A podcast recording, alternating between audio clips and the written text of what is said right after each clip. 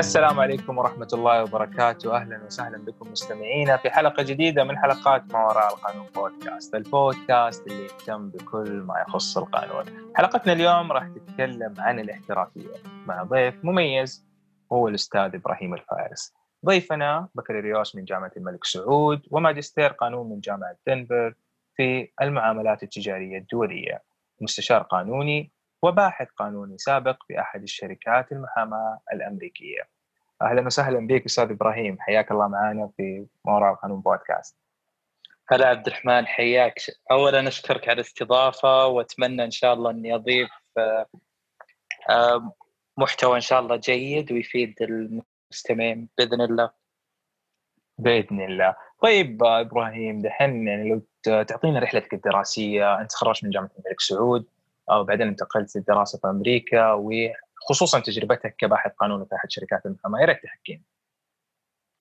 طيب بداية طبعا أنا تخرجت من جامعة الملك سعود آه، سنة 2013 اشتغلت تقريبا ثلاث سنوات بين آه، مكتب محاماة وشركة سعودية.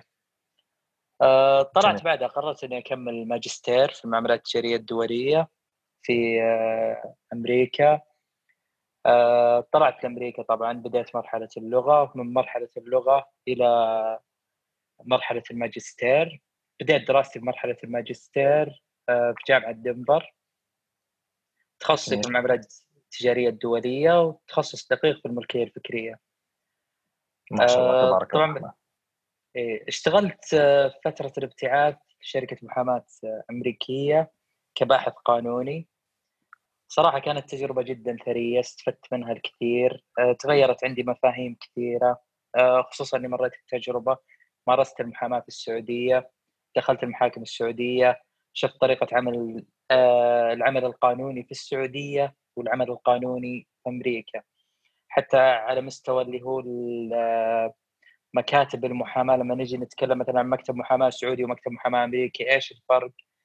في الكيان في الإدارة في التنظيم في أشياء كثيرة في مستوى الاحترافية آه، في حتى العلاقة مع العميل آه، الخطة الاستراتيجية أشياء كثيرة مرة تختلف تماما. إيه؟ كيف كانت تجربتك يعني خصوصا إنه أنت لما دخلت الآن شركة آه، محاماة أجنبية خصوصا أمريكية، إحنا عارفين إن طبيعة الأعمال في أمريكا ما تقتصر دائما على الأعمال القانونية، هل كان يعني في أعمال خارجة عن النطاق القانوني من ناحية تطوير الأعمال وتنمية العملاء أو آليات التعريف؟ ويا ريت يعني تعطينا نبذة إيش هي بالضبط طبيعة الأعمال اللي كنت تشتغلها؟ طبعا من الأشياء أنا طبعا أول ما باشرت العمل عندهم في الشركة كانت من ضمن المهام مهمة البحث عن آليات جديدة لجلب عملاء. أو أو حتى تطوير العلاقات مع العملاء الحاليين. كيف فكانوا يبغون مني أبحث لهم في الموضوع هذا. طبعا أنا جيت كذا سألت قلت يعني هذا عمل مو قانوني يعني آه، وش العلاقة يعني إني أنا أبحث مثلا موضوع اليات طبعا سؤال طبعا بطريقة مؤدبة يعني إن هذا العمل مو قانوني. فقالوا لي هذا واحد من أهداف خطتنا الاستراتيجية. إيش هذه الخطة الاستراتيجية؟ أول مرة أنا أسمع في خطة استراتيجية. فجلس اللي هو المستشار يشرح لي يقول لي إن في خطة استراتيجية عندنا إن نمشي على أهداف سنوية وعندنا هدف بعيد المدى وكيف يعني قاعد يتكلم لي عن الخطة الاستراتيجية بشكل موسع وكيف إنهم عندهم أهداف بالتوسع والنمو أو حتى مثلا هم يبغون يحققون مثلا على الأقل اللي هو هدف الاستقرار. أنا أبغى مثلا بعد خمس سنوات أكون مستقر على الأقل. إذا ما حققت أهداف النمو والتوسع على الأقل أكون يعني أضمن إني أنا راح أستمر خمس سنوات. هذا أقل شيء أنا أبغى أحققه من خلال خطتي الاستراتيجية. طبعا الخطه الاستراتيجية جدا مرنة. آه، طريقة توزيع المهام في الخطة الاستراتيجية أو حتى طريقة إعدادها تكون بين فريق العمل كامل في الشركة. آه، تنفيذها في إشراف ومتابعة. وفي تغيير حسب المتغيرات سواء متغيرات اقتصادية، متغيرات في التقنية، أشياء مستجدة تظهر مثلا بعد سنة، أنا ممكن أغير الأهداف بما يتوافق مع المتغيرات هذه. آه هذا طبعا شيء يعني من ضمن بالإضافة إلى المهام الأخرى القانونية اللي مهام البحث كيف إنك تقدر توصل لحل في قضية معينة كيف إنك تتعامل آه، مع اللي هو العقود عقد جديد عليك انت ما قد ما قد ابدا مثلا مسكت العقد هذا خلينا نقول على سبيل المثال اللي هو عقد المشروع المشترك اللي يسمونه جوينت فينشر جميل. آه إيه. انت انت مو آه انت مو محتاج تجي تقول لي يعني أنا كيف أراجع العقد هذا؟ أنا بحياتي ما مسكت العقد هذا. أنا أعلمك كيف أنت تبحث وتوصل للمعلومة. أنا ما أبغاك أنت تحفظ يعني آه طريقة الحفظ هذه إنك أنت خلاص تعرف عقد مثلا اللي هو البيع خلاص تحفظ عقد بيع. أنا أبغى أكون عندك اللي هو الفكر القانوني الفكر النقدي بحيث إنك تقدر تتعامل مع أي قانون مع أي عقد مع أي مشكلة قانونية. بدون ما يعني إذا طبعا هي تكون الموضوع يكون تحت إشراف. يجيك بعد اي يجيك بعد المستشار يشرف يناظر عملك يعطيك عليه اللي هو الفيدباك يسمونه أو التغذية الراجعة. إيه التغذية الراجعة. إنك أنت إيش سويت؟ إيش الأخطاء اللي وقعت فيها؟ أنت أديت هنا كويس؟ طبعا الكويس في التغذية الراجعة. أنا طبعا لي تغريدة تكلمت عنها قلت انه يعني نجاح القانوني مهنيا لا يعني بالضرورة نجاح اداريا. صحيح. و... لأن مهارة الإدارة مرة لازم تكون عند الشخص اللي يديرك. فنجاحه قانونيا ما يعني إنه ناجح اداريا فهو لما يجي يعطيك هذه التغذية الراجعة يجي يعطيك أنت بدعت في الجانب هذا وبدعت في الجانب هذا. بس أوه ترى عندك الجانب هذا كذا. فما يعطيك اياها بشكل سلبي إنك أنت بس أخطيت لازم يوضح الأشياء الإيجابية اللي أنت سويتها. بعدين يعطيك الأشياء السلبية أو الأشياء اللي أنت أخطيت فيها.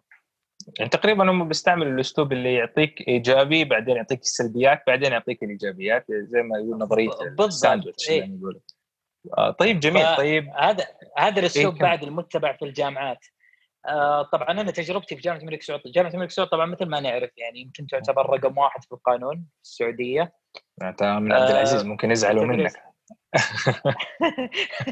وعبد العزيز رقم واحد. طيب أوكي. أنا درست أنا درست يعني مثلا جامعة الملك سعود استفدت منها. أنا ما أقول إني ما استفدت صار عندي تأسيس قانوني. طريقة التدريس في أمريكا جدا مختلفة.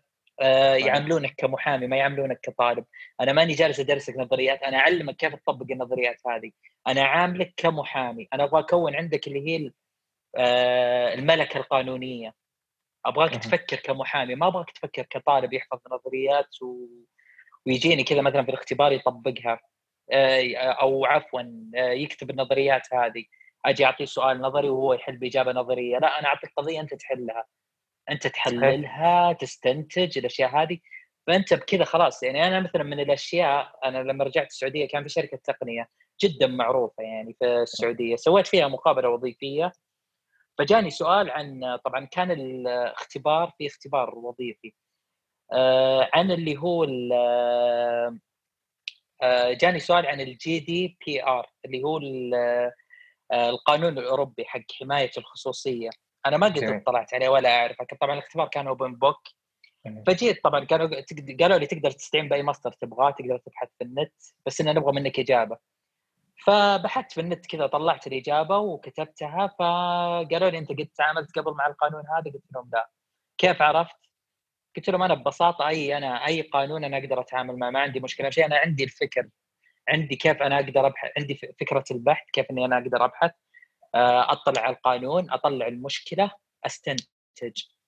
صحيح. وهذا تعرف أخوي إبراهيم كمان يعني لو تعتقد في دائما السؤال هذا يجي إنه يا أخي طب القانون في السعودية أو في الإمارات أو في الكويت أو في أمريكا وبريطانيا وفرنسا يختلف عن من كل دولة لدولة. طيب أنت كيف تطلع تدرس هناك؟ هي الفكرة إنه إذا أنت فهمت النظرية العامة للقانون عرفت تقرأ القوانين راح تقدر تطبقها. هذه نظريات وأساسيات تقدر تطبقها على كل هو هي الفكرة ترى إيه هو الفكرة بشكل عام إنك كيف تفكر كمحامي.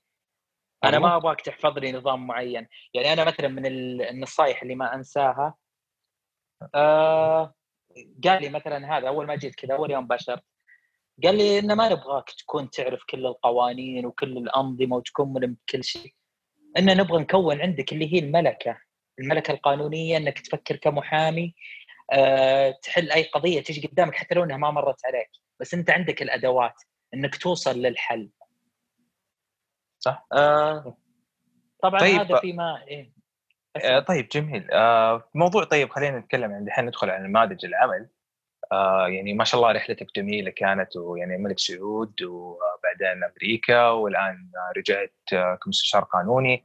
خلينا نجي نتكلم الآن عن النماذج العمل الأشهر في قطاع المحاماة العالمي، إحنا عارفين إنه في نموذج الـ up or out، في نموذج دينتونز، في نموذج فيشر برويلز، في نماذج كثير غيرها ويعني ما نحب نتطرق لجميع النماذج لأنه مو كل هذه النماذج تنطبق على النظام السعودي أو تنطبق على طبيعة الأعمال السعودية، لكن إذا ممكن كذا تعطينا نبذة عن الأنظمة المشهورة وإيش هي بالضبط و يعني ومقارنه بين نماذج العمل التقليدية ونماذج العمل العالمية الحديثة.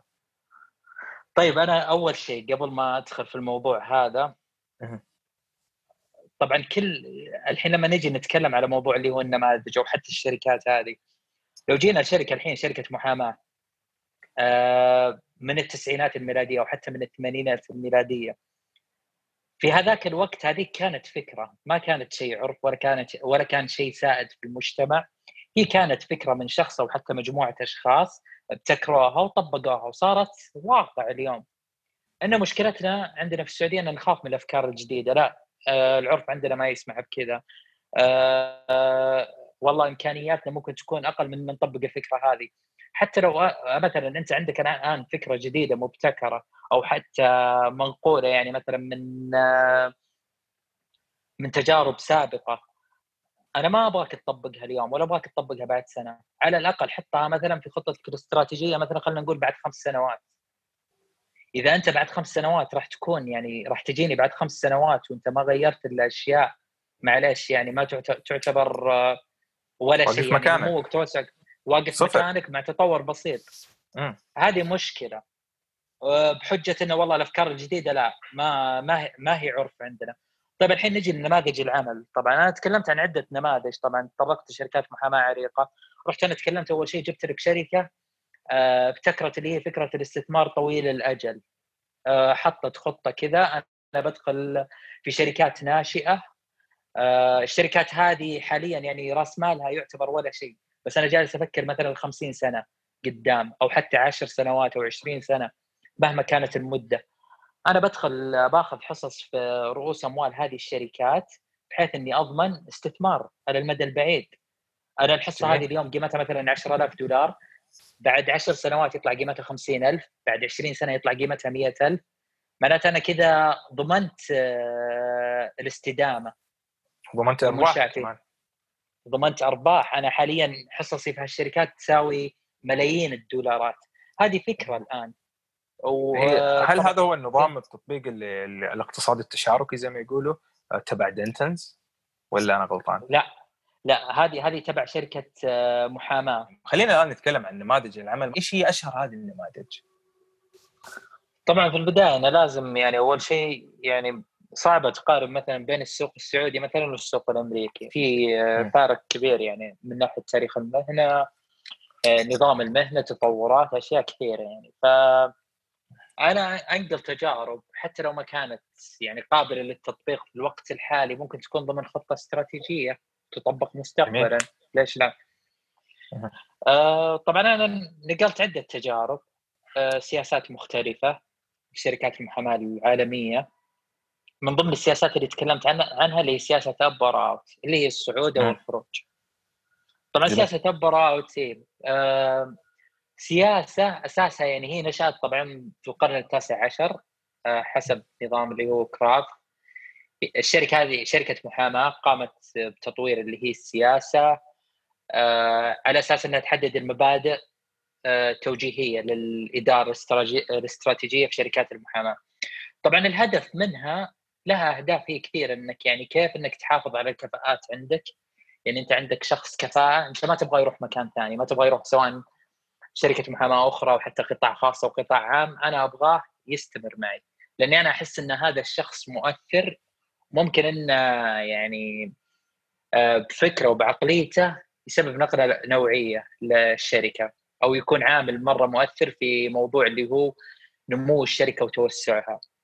طيب جميل آه، إيش هي السياسة بالضبط هذه؟ إذا ممكن تشرح لنا هي يعني قد إيش تأخذ هذه السياسة؟ كيف الشخص يبدأ يدخل فيها؟ ومتى تنتهي؟ طيب أول شيء لازم لازم لازم أوضح نقطة طبعا سياسة بورا أوت مختلفة بين شركات المحاماة كل شركة تبنتها حسب أهدافها وحسب رؤيتها يعني آه، طريقة تطبيق السياسة ما في طريقة موحدة يعني الشركة اللي أساسا أسست السياسة هذه آه، ما كانت يعني شيء ملزم للشركات الأخرى اللي تتبعها انها تطبق نفس اللي هي آه، عناصر السياسة مم. هذه أو نفس الأسلوب. كل شركة تطبقها حسب إمكانياتها وحسب أهدافها. طيب جميل. آه طيب هل هي النظام يعني الأشهر؟ أنا أعرف النظام إنه اوت آه حق سبع إيه. سنوات إذا ما خاب ظني. إيه. هل أنا يعني معلومتي صحيحة ولا تختلف برضو عدد السنوات مو بمحدد. كل شركة آه، تحدد عدد السنوات حسب اللي لكن أنا ممكن نتكلم عنها بشكل عام. طبعا هي سياسة هرمية. طبعا إيش فكرتها؟ آه، السياسة الهرمية أعلى شيء في السياسة الهرمية اللي هم الشركاء. آه، تحت الشركاء اللي هم رؤساء الأقسام تحتهم مستشارين أولين. تحتهم مستشارين وتحت و... وأقل درجة اللي هم المستشارين المبتدئين اللي يدخلون للشركة مستجدين. اللي هم طبعا الفكرة إيه الـ associates نعم. أو يسمونهم junior associates جميل. كمستشار مبتدئ. بعدين يطلع associate بعدين يطلع senior associate بعدين يطلع head of department head of corporate أو head of مثلا litigations بعدين يطلع partner يترقى الـ partner إيه. طبعا يعني حتى المسميات تختلف. أيوه أي حتى المسميات تختلف. يعني ممكن في شركات نظامها يدخلون مثلا مستشار على طول associate ما عندي أنا junior associate يعني أنت أساسا ما تدخل عندي junior associate ممكن تروح تتدرب في مكان ثاني بعدين تجيني عندي على طول. associate وتطلع من associate الـ head of department بعدين partner أو director أحيانا يحطون آه. اللي في شركات تحط برضه director قبل اللي هو قبل آه، اللي هو قبل head of divisions أو قبل الـ partner يعني هي هي النظام خلينا نقول مثلا يعني أنت تبدأ مثلا بـ junior associate تطلع بعدين تصير associate بعدها senior associate بعدها حتصير head of division بعدها ممكن تقول تطلع إنك تصير junior partner partner senior partner managing partner برضه اي هذه هذه من ضمن الأشياء هذه من ضمن الأشياء. بعد لو نجي لموضوع الشراكة موضوع الشراكه يختلف من شركة لأخرى. في شركاء دائمين اللي هم الشركاء المؤسسين. الشريك المؤسس اي الشريك المؤسس آه، أو بالعادة الشركاء الشركاء المؤسسين خلينا نقول مثلا ثلاث شركاء يكون لهم مثلا 70% مثلا أو 60% كل واحد له 20% 40% هذه هم أساسا في عقد التأسيس حاطينها اللي هم ال الكو فاوندر هم الشركاء الأساسيين. اي إيه. مضبوط. إيه. فهذه ال 40% الباقي هذه مخلينها اللي هم الشركاء المحتملين أو اللي بيدخلون شراكة. برضو موضوع الشراكة فيه يعني مثلا حتى الشريك أحيانا مثلا في أنظمة أو سياسات بعض بعض الشركات يجيك يقول لك الشريك ممكن يطلع ترى اوت ممكن يجي يوصل شريك وبقرار الشركاء المؤسسين إذا لقوا إن هذا الشخص وصل مثلا لمنصب شريك وانخفض اداءه آه، أشياء كثيرة وظروف كثيرة ممكن هم يشوفون من وجهة نظرهم وحسب سياسة الشركة إن هذا الشخص ما عاد ينفع بارتنر ممكن ان نطلعه برا الشركة. هم أحيانا حتى في يكون فيها تعليق الشراكة زي ما أعتقد نظام إنه يعلقون الشراكة آه، حتى يعيد ترتيب أوراقهم بعدين يرجع مرة ثانية بشكل أقوى لأنه يأثر عليهم بشكل كبير إذا كانت يعني أداء ضعف. في طرق أخرى برضه يستخدمونها اللي هي في موضوع الأرباح توزيع الأرباح بين الشركاء. في اللي هو في أرباح تسمى أرباح آه، يسمونها تحت مسمى حافز. بحيث أن الشريك الفعال اللي قدم خدمة أكبر للشركة آه، من ناحية مثلا جلب عملاء أو شيء زي كذا يستحق نصيب أكبر في الأرباح. يعني ممكن ما تقسم الأرباح على أساس الحصة. ممكن اي ممكن ممكن تقسم الأرباح مثلا أو تدخل مثلا هذه اللي هي الحوافز ضمن المصروفات بالنهاية تقسم الأرباح بين الشركاء حسب حصصهم. الحوافز هذه تعتمد برضو على اداء الشريك خلال اللي هي السنة المالية للشركة. هذه على طيب. على أساس إيش؟ إن الشخص ما يوصل شريك وبعدها يمدد رجوله بالعامي يعني. إنه خلاص ما عاد يقدم أداء إيه. فيتخذون اللي هو يحاولون إنهم إيش؟ يحافظون على مستوى أداء الشريك بالطريقة هذه أو بالسياسة هذه. صحيح جميل. طبعا أنا طيب أنا, أنا سابقا تكلمت عن اهدافها إنه يعني تحقق أداء وإنتاج عالي عالية المستوى من ناحية على مستوى اللي هم من أصغر موظف لأكبر موظف. أصغر طبعا صغار الموظفين غالبا هدفهم واحد أنا أبغى أطلع شريك في الأخير فأنا راح أقدم أفضل ما عندي. عشان إيش؟ أنا لو أخفقت أو مثلا كانت الانتاجيه عندي أقل من زملائي اللي على نفس المنصب هم راح يطلعون وأنا بطلع برا.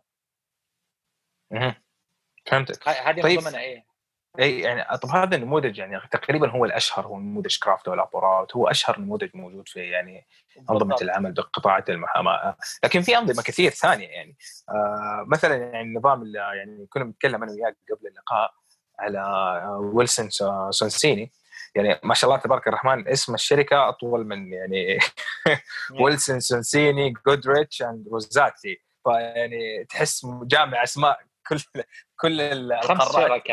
خمس شركاء. إيه؟ ونظامهم جميل يا ريت تحكينا عنه. أول شيء الشركة هذه مرة آه، يعني شركة شركة محاماة عريقة معروفة على مستوى العالم. طبعا متميزة في مجال الـ business والـ IP أو الملكية الفكرية. آه طبعا فكرة الشركة جت آه أو أساسا يعني هي الشركة تأسست على سياسة استثمار طويل الاجل حلو. طبعا إيش فكرة السياسة هذه؟ فكرتها أنا الآن أبدخل شريك في شركات ناشئة وبقدم لهم خدماتي القانونية بمقابل مخفض ما يلقونه في شركات المحاماة اللي برا، أنا بعطيك مثلا 20% من سعر السوق بس مقابل إنك أنت تعطيني حصص في رأس مال شركتك، أنت شركتك ناشئة أصلا. مثلا آه، قيمة الحصص هذه اللي بتعطيني إياها ما تساوي 10000 دولار في الوقت الحالي يعني. خلينا نقول خلينا نفترض إنها قيمة الخدمات. أو ممكن تكون حتى أقل من قيمة الخدمات اللي أنا بقدمها لك. بس أنا جالس أفكر على المدى البعيد. بعد خمس سنوات عشر سنوات. طبعا تجربة الشركة هذه مرة جدا قوية يعني. حافظت على استمراريتها يعني. الشركة تأسست عام 1961 جميل. إن الحين في 2020 الشركة الحين دخلها خرافي بالملايين. طبعا هي الشركة هذه دخلت مع شركة ابل في بداية تأسيسها. أخذت حصص في ابل آه، بقيمة سوقية جدا متدنية. الآن كم سعر الحصص هذه اليوم مثلا لو بنتكلم عنها؟ طبعا حسب المعلومات اللي يعني أعرفها إنها طلعت من ابل يعني لها فترة ودخلت مع شركات أخرى. يعني ربما باعت حصصها في ابل فهي مي ملتزمة أساسا حتى تستمر مع مع الشركات هذه تقدر إنها تبيع في أي وقت. يعني زي ما نقول إنه هذا النظام حق الشراكة حق ويلسون سونسيني إنهم بيحاولوا إنهم يعملوا على نظام الاستثمار طويل الأمد بطريقة انه هو يستثمر في الشركات أو يقدم خدماته القانونيه بأسعار جدا مخفضة مقابل حصص سوقيه آه، ضمن هذه الشركات بحيث انه هو يقدر يبيعها وتكون مصدر دخل آخر مستقبلا. ويضمن حتى إنه يطبق خطته الاستراتيجية مستقبلا بهذه الطريقة. الدخل يعني مستدام.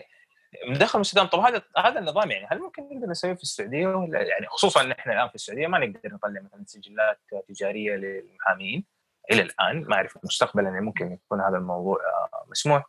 آه، فايش رأيك؟ هل هذا النظام ممكن يعني يكون له يعني خلينا نقول نصيب من السوق السعودي في المحاماة خصوصا إنه تداول عندنا ما شاء الله في شركات كثيرة. ممكن طيب. منها كشيء. أنا أنا راح أقول لك طبعا فيما يخص السوق السعودي. إذا بتتكلم عن النظام فعلا النظام يحظر على المحامي إنه آه، يستخرج سجلات تجارية ويمارس عمل تجاري. بس لما نجي للواقع أنا يعني سمعت عن محامين مطبقين الفكرة هذه. كيف مطبقينها أنا ما أعرف صراحة. ممكن هم يكون بيشتروا باسمائهم الشخصية إذا يعني إذا افترضنا إنه مكتب المحاماة هو مؤسسة فينطبق إنه هو يقدر يعني يقدر يشتري بحساب بحساب على الحساب الشخصي ويخصص هذه الأسهم أو هذه الأرباح عبد الرحمن أنا نقلت الفكرة. طريقة تطبيقها عندنا في السعودية هذه كل واحد يطبقها بطريقته. آه، مخالفة للنظام أنا ما أعرف صراحة إذا هي مخالفة للنظام أو لا إذا تتكلم عن النظام نفسه عرفت؟ النظام صريح طبعا نظام المحاماة قال لك لا لا يجوز للمحامي إنه يجمع بين مهنة المحاماة وعمل تجاري. آه بس لو نجي الآن مثلا خلينا نتكلم مثلا عن توجهات الدولة مثلا عن نظام الشركات المهنية اللي صدر مؤخرا إنك تقدر تجيب شريك بالمال مو بمحامي أصلا. صح. حتى في حتى في وضعية التجانس كانت يعني جدا رهيبة عندهم عملوا خطة تجانس.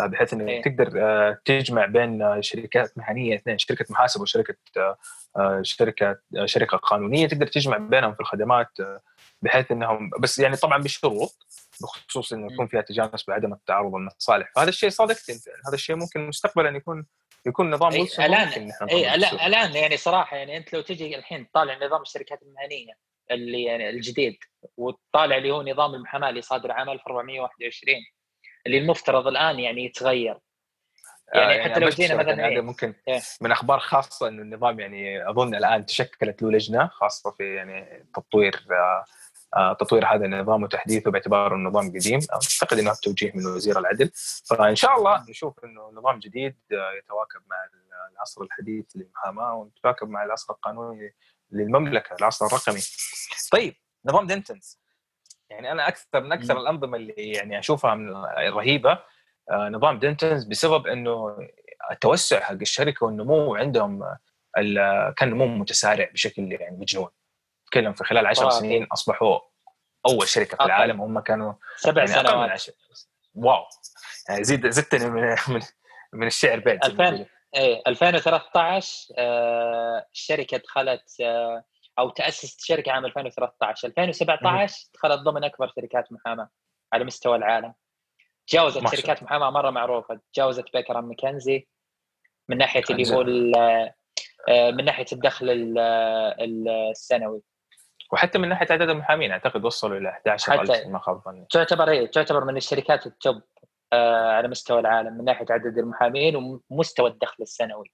والشركة تاسست 2013 وحققت الأهداف هذه في 2017 واستمرت 2017 2018 2019 وهي يعني ثلاث سنوات على التوالي بنفس لما نجي الحين مثلا طيب فكره دنتونز كيف نشأت الشركة هذه؟ طبعا نشأت بين شركات آه، مختلفة من دول مختلفة.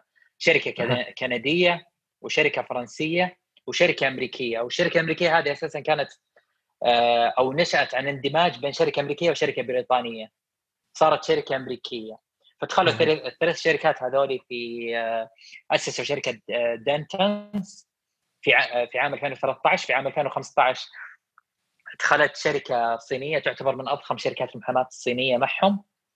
آه خلال سنتين آه اكتسحوا السوق. آه صار لهم فروع ومكاتب في كل دول العالم. آه تتكلم عن 183 آه، فرع في 75 دولة خلال أربع سنوات. آه، تتكلم عن أكثر من 10000 محامي. طبعا فكرة دينتونز جت يعني جت بفكرة اندماج لكن مو اندماج تقليدي. آه طبعا فكرة دنتنس أشبه للي هو الـ franchise أو الامتياز التجاري إنها كيف توسعت بفكرة أنا بكون نقطة الوصل بين مكاتب المحاماة وشركات المحاماة على مستوى العالم بحيث إني أنا أعطيهم علامتي التجارية آه، أعطيهم وصول قاعدة البيانات آه، أوفر لهم سبل التعاون فيما بينهم آه، بمقابل طبعا مادي. آه طبعا في ناس إي في من الناس اللي قروا الموضوع اللي هو Dentons وإن هذا شيء تنظيري ومستحيل يتطبق عندنا. ال Dentons موجودة عندنا في السعودية موجودة في الرياض. شركة محامي سعودي. آه طبعا هذا بس فيما يخص يعني لأن في ناس علقت على Dentons إن هذا مستحيل يصير عندنا وفكرة اندماج بديل وإنها تجي بفكرة يعني اسم تجاري يكون عندنا في السعودية. آه غالبا أنا أقول لك الشيء الجديد ما يكونوا ما, ما يكونوا الناس متقبلينه إلا إذا صار واقع. يعني موجود على أرض الواقع خلاص صار عندنا. الآن شفنا Dentons عندنا في السعودية. لا خلاص هذه الحين الفكرة قابلة للتطبيق. للتطبيق لكن قبل ما ما أحد يطبقها لا هذا الشيء مستحيل يعني بغض النظر آه. عن آليات دخول الشركات يعني ما نحب ما نحب نتطرق في هذا الموضوع إنه إيه؟ كيف دخلت الشركة وإلى آخره من هذه الأمور بغض النظر عن إنها كانت Dentons أو اي شركة أخرى آه بس الفكرة من من نظام Dentons آه إنها فكرة جديدة نمو متسارع بشكل يعني مجنون يعني أقل ما يقال عنه إنه مجنون الشيء الثاني إنهم كانوا. القاعدة قاعدة البيانات حقت ال research أو قاعدة البيانات البحثية قاعدة بيانات الخدمات التقنية في Dentons قوية جدا لدرجة إنه تقدر تخدم كل المكاتب أو كل الشركات حول العالم من من مكان واحد أصبحت يعني الوضع يعني هل نقول هذه عولمه محاماة أو إيش نقول بالضبط؟ طبعا شوف هو من الأشياء اللي صرح بها واحد من المدراء التنفيذيين الدنتونز يقول لك في القرن العشرين العالم جالس يتغير وقاعدين نشوف تغير متسارع ومتوقع جدا إن بنشوف شركات ومكاتب محاماة راح تفشل وتنتهي خلاص ما ما تقدر تواصل اعمالها. فإن هذه هذه هذه أحد الأفكار إن إيش نبغى يعني نكون آه نقطة وصل بين شركات ومكاتب المحاماه حول العالم آه نواكب المستجدات نشاركها مع المكاتب والشركات هذه بحيث إنها إيش تستمر في مواصلة أعمالها في المستقبل. طيب يعني ما شاء الله يعني ثلاثة إلى أربع أنظمة آه يعني حتى لو نيجي نتكلم عن نظام فيشر برويلز اللي هو نظام الحماة الافتراضية آه، أعتقد أنه بدأ يعني يشكل آه يعني نظام مقبول خصوصا في العصر الحالي نتكلم عن نظام إنه بدأ بعام 2002 من هذه الشركة بحيث إنه هي آه شركة محاماة افتراضية بدل ما إنه أنا آه أجيب محامين اوظفهم عندي لا أنا أتعاقد معهم بشكل عمل حر. وهذول المحامين يحصلوا إلى أرباح 85% على كل عمل بدل ما كانوا يحصلوا على أرباح أقل في الشركات. فهذه الأنظمة كثير يعني ممكن نكون نتكلم على أنظمة كثيرة والسوق السعودي أعتقد إنه حيكون سوق آه، متقبل لهذه الأشياء خصوصا مع التحديثات والتطورات الرقمية. طيب إبراهيم لو جينا نتكلم عن موضوع مهم اللي هو أنت دائما تتكلم عنه إنه كيف شركات المحاماة ومكاتب المحاماة تطور من آه، من أعمالها وجودة المخرجات. إيش هي اقتراحاتك أو إيش هو رأيك بخصوص هذا الموضوع؟ قصدك فيما يخص مكاتب وشركات المحاماة عندنا في السعودية؟ آه، نعم اي في المحلية السعودية. طيب أنا أنا صراحة عندي تحفظ إني أتكلم عن مكاتب وشركات المحاماة السعودية لكن آه، أنا جالس أنقل تجارب وغيري ممكن قاعد ممكن يسوي نفس الفكرة إنه قاعد ينقل تجارب.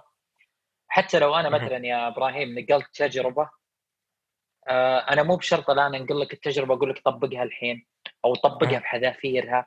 أنت ممكن تتبنى الفكرة وتطبقها حسب إمكانياتك. أنت ممكن يعني معلش أنا الآن لو نتكلم مثلا عن مكاتب وشركات المحاماه السعودية أنا اشتغلت طبعا في عده مكاتب محاماة سعودية. مكاتب وشركات المحاماه السعودية ماشيه على خطة استراتيجية؟ هذا اللي لازم ننظره أول شيء قبل قبل فكرة التطبيق اللي هي نماذج العمل آه آه، الأشياء اللي هي الرقمية الأنظمة الرقمية أنظمة المكاتب الأشياء هذه التطورات. أنت عندك خطة استراتيجية إنك تتطور؟ هل عندك تنظيم مالي تنظيم إداري. تنظيم مالي تنظيم إداري آه، استثمار طويل أجل. أنت عندك أصلا آه، خلينا نقول عندك هدف مستقبلي إنك تنمو وتتوسع. إيش أهدافك بالضبط؟ عشان كذا أنا لما أجي أنقل الآن فكرة أو تجربة لشركة أجنبية أو نظام عالمي في قطاع المحاماة ما أجي أحدد فئة معينة عندنا في السوق السعودي ولا أتكلم عن مكاتب وشركات المحاماة في السعودية وأنتقدها وإني أتكلم عنها. أنا قاعد أنقل لك الفكرة وأنت تقدر تطبقها. تبغى تطبقها حسب إمكانياتك الآن ممكن تطبقها في المستقبل. لكن أنا أشوف صراحة أنا من وجهة نظري يعني أي مكتب أو شركة محاماة ما عنده خطة استراتيجية آه راح يواجه صعوبة في المستقبل. وهذا الكلام مو كلامي أنا يا إبراهيم. أنا ماني جالس أنظر فيه خبراء جالسين يتكلمون ويطلعون أنا ممكن حتى أجيب مصادر. يعني في شركات أصلا في مكاتب وشركات محاماة تقليدية موجودة في الدول المتقدمة فشلت مع التقنية الجديدة اللي كانوا يشتغلون قبل أصلا وجود أنظمة الحاسب والأشياء هذه. كانوا متعودين على اللي هي الأرشفة والملفات وهذه.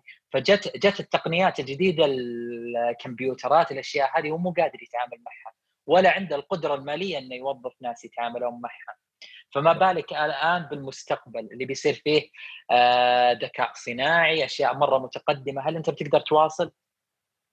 بالضبط خصوصا مع عمليات الآن يعني نتكلم على الذكاء الصناعي أو التقنيات القانونية دحين داخلة على السوق وإنها آه، بتحاول تأتمت أو ترقمن عمليات العقود، الاتفاقيات، النماذج، آه، حتى وزير العدل تكلم عن موضوع نمذجة العقود وإنه الآن إحنا مثلا عندنا في المملكة عشان ما نكون نتكلم نقول هذه نماذج عالمية، عندنا نموذج عقد الإيجار، آه الآن حتكون في عقود أخرى يعني منمذجة وهي خلاص نموذج واحد. الشيء الثاني اللي جدا يعني مهم في هذه المواضيع إنه بعض خلينا نقول الأنظمة العالمية أو الأفكار العالمية في إدارة مكاتب المحاماة أو في توسيع توسيعها تكون أحيانا لها عيوب مثلا نظام دنتنز على سبيل المثال آه، بالطريقة اللي هم كانوا بيتوسعوا فيها كان في عيوب إنه ممكن جودة المخرجات مو ما تكون نفس الجودة في جميع الفروع يعني أو جميع المناطق عندهم بالضبط ف... هذه يتكلم عنها وأعتقد معلش إيه؟ ولا أقطع كلامك يا عبد الرحمن هذه في واحد طلع سألوه طبعا قالوا له أنت الآن قاعد تدير تقريبا آه، قاعد تدير 140 فرع في 75 دولة كيف أنت تسيطر على جودة المخرجات؟ كيف أنك تسيطر إن الجودة اللي توصل للعميل هي نفسها في كل دولة من هالدول؟ فقال لك هو إن نشرف ونراقب المخرجات ونطور منها وإن أساسا قاعدة البيانات عندنا متاحة لجميع شركائنا على مستوى العالم. يعني حتى أنا أنا متأكد من الشيء هذا. أنا ما اشتغلت مع دنتنس لكن أكيد في أساليب جالسين يطورون من الأعمال في الشركات هذه. طبيعي يعني إن الشركة أنا أعطيتك اسم التجاري وعلامات التجارية تستخدمها وتواجه بها العملاء أنا برضو أخاف على سمعة آه، حتى هو قال قال فيها مخاطرة نعلم إن فيها مخاطرة خصوصا إن دخلنا طبعا هي فكرتها إنها تدخل مع مكاتب وشركات محاماة صغيرة. أه. وعشان كذا هم وجهوا له السؤال إنك كيف تدخل مع شركات ومكاتب محاماة صغيرة؟ آه يعني حتى لو مثلا بنتكلم عن آه، شركائهم مثلا في دول العالم مو بشركات محاماة كبيرة. مو كلها شركات محاماة كبيرة. في من ضمنها شركات محاماة كبيرة. على المستوى المحلي في هذه الدول. في بعض المكاتب ناشئة أصلا ودخلت شراكة مع Dentons و Dentons جالسة تراقب الأعمال هذه وتحاول تطورها. تطور أعمال اللي هي المكاتب هذه الناشئة المكاتب الصغيرة مكاتب المحاماه الصغيرة. بحيث إنها تصير بنفس جودة ومخرجات اللي هي آه، المكاتب وشركات المحاماه الكبيره. فاهمك. يعني هي زي ما تقول إنه بتعمل فلترة للاعمال بحيث إنه تأسس نموذج عمل آه، معين لجميع الشركات آه، تابعة لها بحيث إنه هي تكون تخرج آه، تقريبا خلينا نقول إنه كفاءات تختلف يا أخي إيه قوة المخرج يكفي يكفي شيء واحد. أنا الآن يعني متيح لك اللي هو أو اتيح لك قاعدة البيانات عندي إنك تدخل عليها تستفيد من التجارب. قاعدة البيانات هذه فيها خبرات محامين آه، لهم يعني 50 60 سنة في المحاماة. أنت تقدر تطلع عليها يا صاحب المكتب الناشئ وتستفيد منها. جميل. مكتبة بحثية هذه. يعني المعلومات صح آه. صدقت إنه إحنا كمان زي ما تقول إحنا في عصر اقتصاد معرفي. الآن المعرفه هي هي الفلوس هي الفلوس تجي من آه، أنت إيش تعرف؟ كيف تقدر توصل هذه المعرفة للناس؟ تقدر تبني منها فلوس. طيب أخوي إبراهيم لما يعني نتكلم دحين عن الأزمة الحالية. أنا خلاص يعني تعبت من كثر ما اتكلم عن كورونا. آه لكن أي. إيش رأيك؟ أزمة المكاتب. آه حتكون يعني كورونا طبيعي راح تأثر على المكاتب وإحنا عارفين انها راح تأثر على جميع القطاعات. أثرت آه. على شركات ضخمة ترى مو بس على مكاتب المحاماة عندنا في السعودية. شركات ضخمة عالمية شركات محاماة عالمية أثرت عليها. لدرجة إن الشركاء الشركاء اضطروا يدفعون من جيوبهم على أساس ما تسقط الشركات هذه. يعطيك العافية وشكرا لك آه، لوقتك ويعني إن شاء الله تكون هذه الحلقة مثرية لكل من سمعها ونلقاكم على خير إن شاء الله مستمعينا في حلقة جديدة حلقات شكرا لك عبد الرحمن على هذه الاستضافة. الشكر لك أخوي إبراهيم.